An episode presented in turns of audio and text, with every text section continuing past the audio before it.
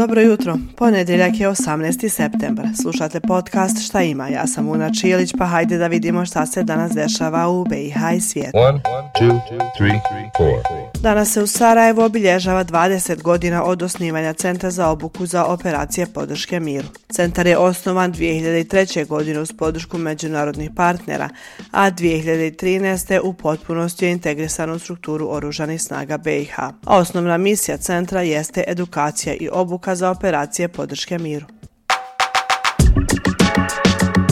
Danas također u Sarajevu počinje sedmo izdanje Pop Art festivala. Program se održava u Bosanskom kulturnom centru, a u fokusu su tri izložbe. Jedna kolektivna pod nazivom Novi talas 2 i dvije izložbe umjetnika Adisa Bilajna.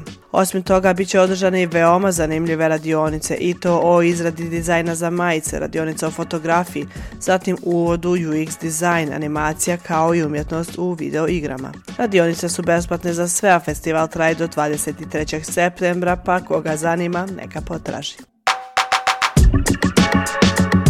Danas se obilježava dan jednakih plata, odnosno jednakost u zaradi. Jednaka plata neophodna je za izgradnju dostojanstvenog i pravednog svijeta, kažu iz Ujedinjenih nacija koji ovaj dan obilježavaju od 2020. godine. Uprkos decenijama aktivizma zakonima o jednakim prilikama, žene i dalje zarađuju 80 centi na svaki dolar kojeg muškarci zarade. Ta nejednakost se ogleda i u Bosni i Hercegovini gdje prosječna plata za žene iznosi 1349 km, dok je za muškarce ta plata 1549 km. Sistemska diskriminacija, nedovoljno vrednovanje rada žena i neproporcionalni udio u neplaćenim poslovima brige i održavanja svakodnevnih kućnih poslova su u korijenu nejednakosti u platama u odnosu na rodu.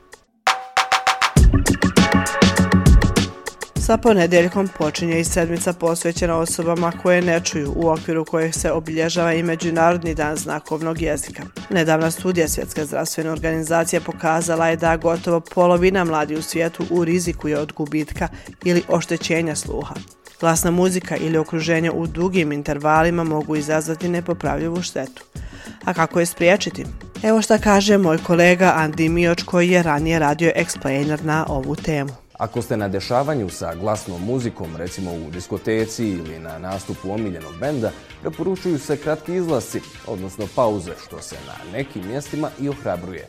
Kada je riječ o uređajima za slušanje, poput telefona, ne postoji univerzalno pravilo, jer se glasnoća razlikuje zavisno od proizvođača uređaja, ali i sami slušalica ali neka generalna preporuka je da se muzika ne sluša duže od nekoliko sati i to na glasnoći manjoj od 60%.